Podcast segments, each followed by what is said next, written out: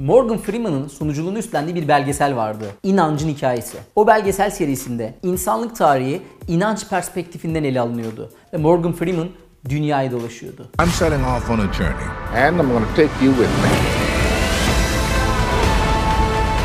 We all ask ourselves this one fundamental question Who is God? Dünyayı dolaşıyor dememe bakmayın. Gittiği yerler insanlık tarihi için çok ama çok önem arz eden yerlerdi. Kudüs'e gidiyordu, Hindistan'a gidiyordu, Roma'ya gidiyordu. Ve o belgesel sürecinde defalarca Türkiye'ye yani Anadolu topraklarına geldi. Konya'ya gitti, Çatalhöyük'e gitti, İstanbul'a geldi, Göbekli gitti. Archaeologist Amy Bogard has been digging with a team here at Çatalhöyük for two decades.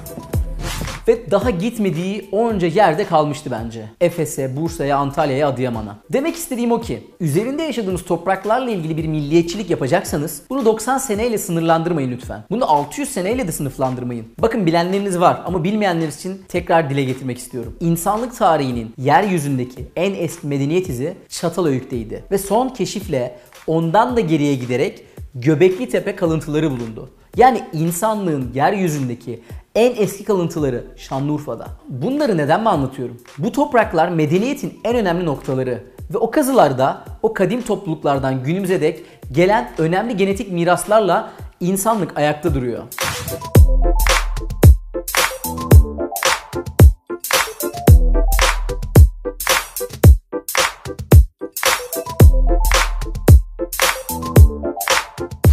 Onlardan en önemlisi yemek kültürü. Mutfağın, yemeğin kutsaliyeti, sofranın önemi, insan onuru, şerefi ve haysiyetiyle yediklerinin arasındaki ilişki. Bunu ben söylemiyorum. Yapılan kızlardan ortaya çıkanlar söylüyor. Tabaklar, çanaklar, kurulan ihtişamlı sofralar, imparatorların sofraları, kralların sofraları, çobanların sofraları, askerlerin sofraları, kısacası Anadolu son taliyle sofra imparatorluğu. Bu gelenek Çankaya sofralarına dek uzandı. Peki günümüz medeniyetinde durum ne? Ben siyasilerin aldığı kararlardan, meclislerin çıkardığı yasalardan, politikacıların çılgın fikirlerinden korkmuyorum. Benim korkum toplumun hudutsuz çıldırma eğilimi. Eline siyah eldiven takıp gördüğü her besin maddesine cheddar peyniri boşaltan insanlardan korkuyorum ben.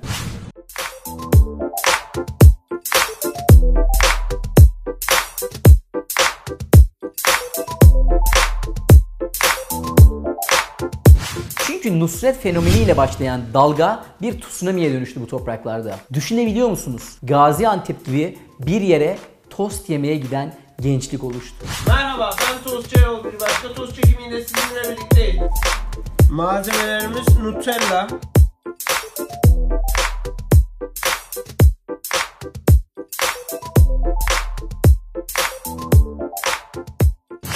sucuklu, fıstık ezmeli, çikolatalı tost yemek için Gaziantep'e gitmekten bahsediyorum. Bir Çin bedduasıdır ki tuhaf zamanlarda yaşayasın der. Bal gibi de o bedduanın içerisindeyiz. Gaziantep ki medeniyet konusunda Göbekli Tepe neyse yemek konusunda Gaziantep o. Tek Gaziantep meselesi değil ki. Kebabın üzerine cheddar döken Adanalı ustalar. Balığı dönere geçiren Karadenizli ahçılar. Bu ülkede cheddar kullanımı ehliyete alınmalı. Ruhsatlı bir kullanımına izin verilmeli artık. Nusret'in ölü hayvan sevirciliğinden çıkan kültürsüzlük Anadolu'nun her yerine sindi. Güzelliğinin sadeliğinde yattığı pirinç pilavının üstüne bir tek kedi köpek maması koymayan adamların dükkanlarının önünde kuyruk oluyor. YouTube fenomenleri dükkanlarını ziyaret edip videolar çekip gençlere bu dükkanları paylaşıyorlar. Bugün pilav üstü İzmir köfte yiyeceğiz.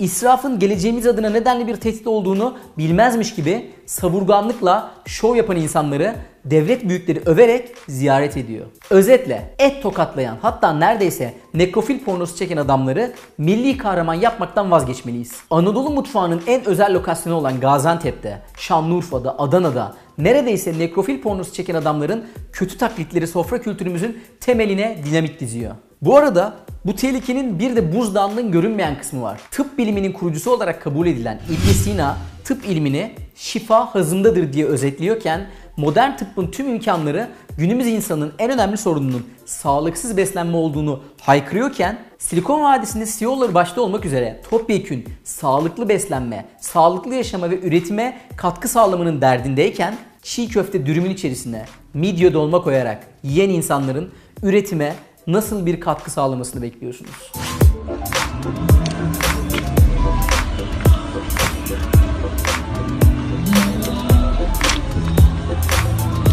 Bir bütün ekmeğe çoko krem, fıstık ezmesi, bal, fındık ezmesi koyup onu gençlere sunmak son tahlilde bu ülkenin ekonomisini öldürmek değil mi? Ben bu tarz korkunç yiyecekleri marihuana'dan bile daha tehlikeli buluyorum. Sağlık Bakanlığı'nın, Aile Bakanlığı'nın, kısacası anayasamızda bizi korumakla görevli olduğu belirtilen devletimizin bu yemek terörüne bir dur demesi gerekiyor. Yoksa hiç topa tanka gerek olmadan bin bir çeşit hastalıkla, depresyonla, şeker hastalıklarıyla kolunu kaldıramayan korkunç bir kayıp neslin temsilcileri olacağız.